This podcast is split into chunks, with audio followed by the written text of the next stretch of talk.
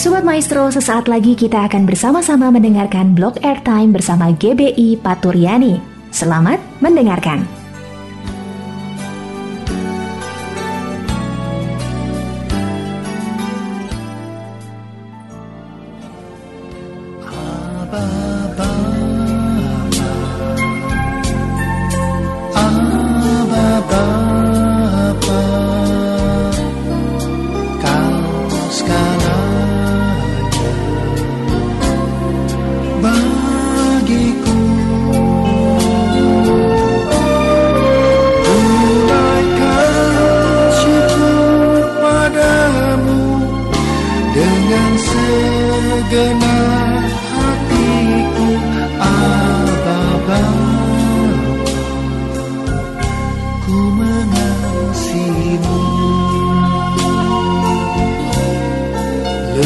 dari segalanya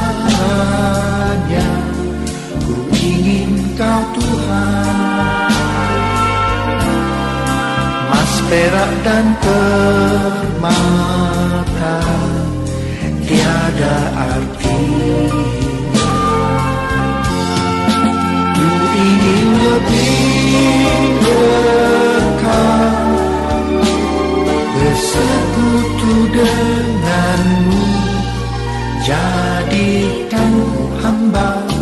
setia kepadamu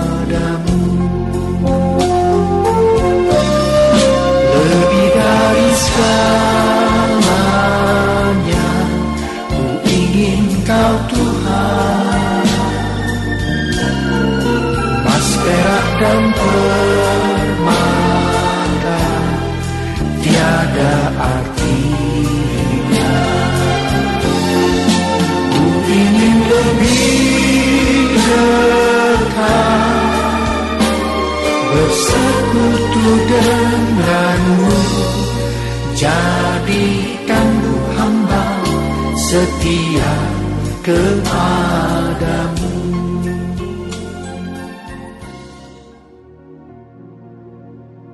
Shalom Sobat Maestro yang kasih Tuhan, kita berjumpa kembali di dalam acara Suara Paturyani yang ditayangkan setiap hari Selasa dan Jumat sore jam 4 lebih 10 melalui radio kesayangan kita 92,5 Maestro FM.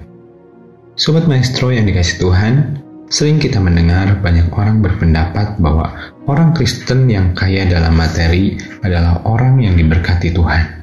Sebaliknya, orang yang miskin dikatakan kurang diberkati atau tidak diberkati Tuhan. Bahkan lebih ekstrim lagi, orang miskin sering kali dihakimi dan dikatakan bahwa mereka miskin karena ada dosa yang mereka lakukan kepada Tuhan. Namun, bagaimana sesungguhnya kata firman Tuhan tentang kekayaan dan kemiskinan? Untuk itu, sore hari ini kita akan sama-sama belajar firman Tuhan tentang hal tersebut. Mari kita berdoa. Bapa dalam surga, cap syukur Tuhan buat kebaikanmu yang selalu menyertai setiap kami Tuhan. Bersyukur buat kesempatan kalau sore hari ini kami boleh mendengarkan suara Patuliani Tuhan.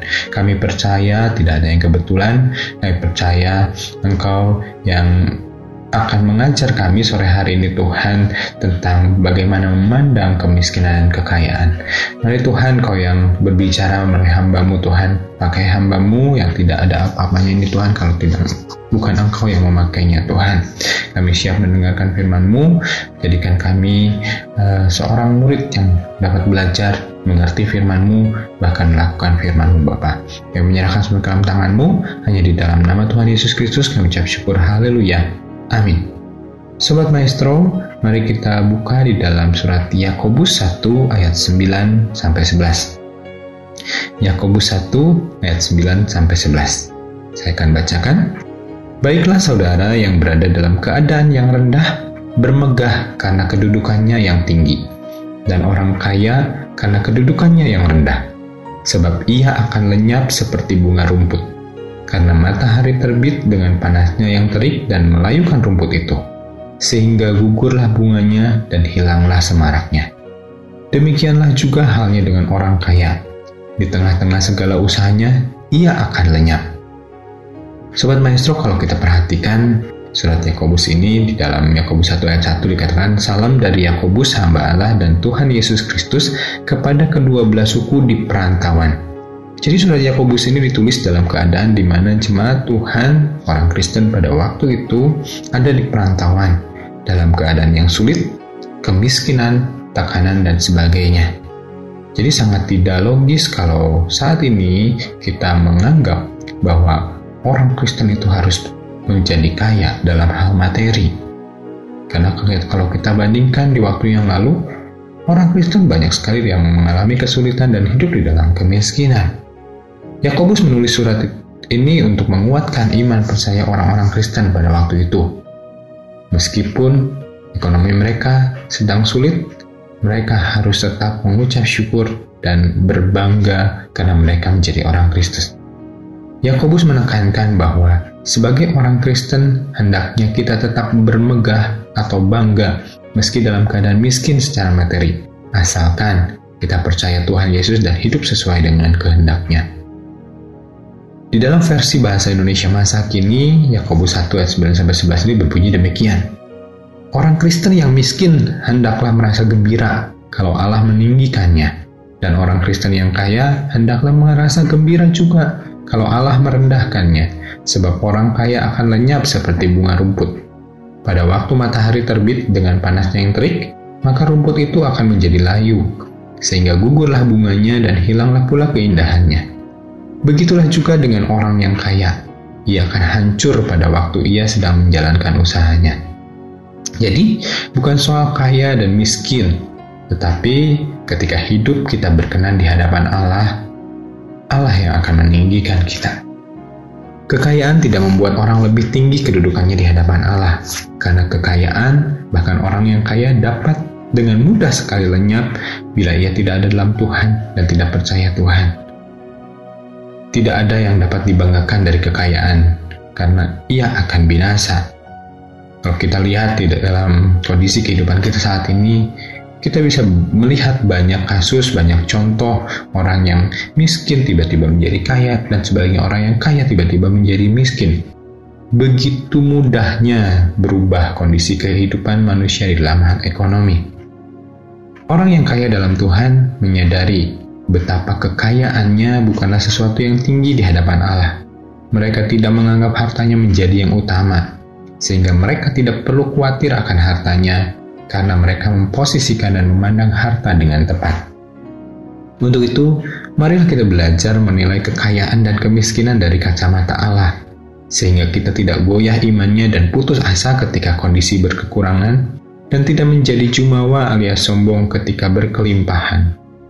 1 Timotius 6 ayat 17-19 katakan, Peringatkanlah kepada orang-orang kaya di dunia ini agar mereka jangan tinggi hati dan jangan berharap pada sesuatu yang tidak tentu seperti kekayaan, melainkan pada Allah yang dalam kekayaannya memberikan kepada kita segala sesuatu untuk dinikmati. Peringatkanlah agar mereka itu berbuat baik, menjadi kaya dalam kebajikan, suka memberi dan membagi, dan dengan demikian mengumpulkan suatu harta sebagai dasar yang baik bagi dirinya di waktu yang akan datang untuk mencapai hidup yang sebenarnya. Sobat Maestro, apa pun kondisi dan keadaan kita saat ini, Allah memberikan kepada setiap kita sesuai dengan kehendak dan rencananya. Roma 8 ayat 28 katakan, kita tahu sekarang bahwa Allah turut bekerja dalam segala sesuatu untuk mendatangkan kebaikan bagi mereka yang mengasihi Dia, yaitu bagi mereka yang terpanggil sesuai dengan rencana Allah. Amin.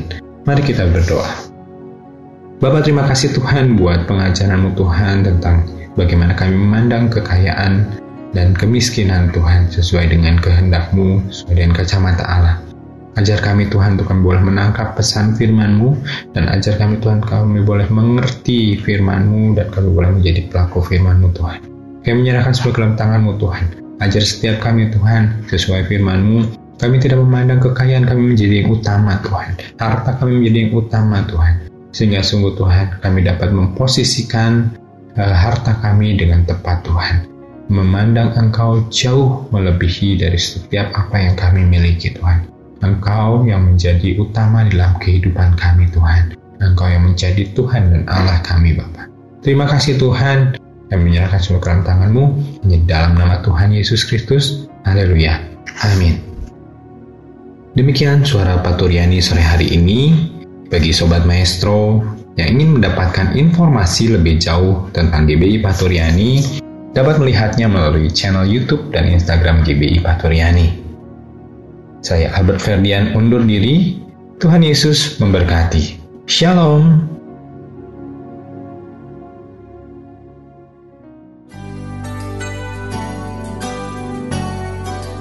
Sobat Maestro, kita baru saja mendengarkan blog airtime bersama dengan GBI Paturyani. Terima kasih atas kebersamaan Anda. Tuhan Yesus memberkati.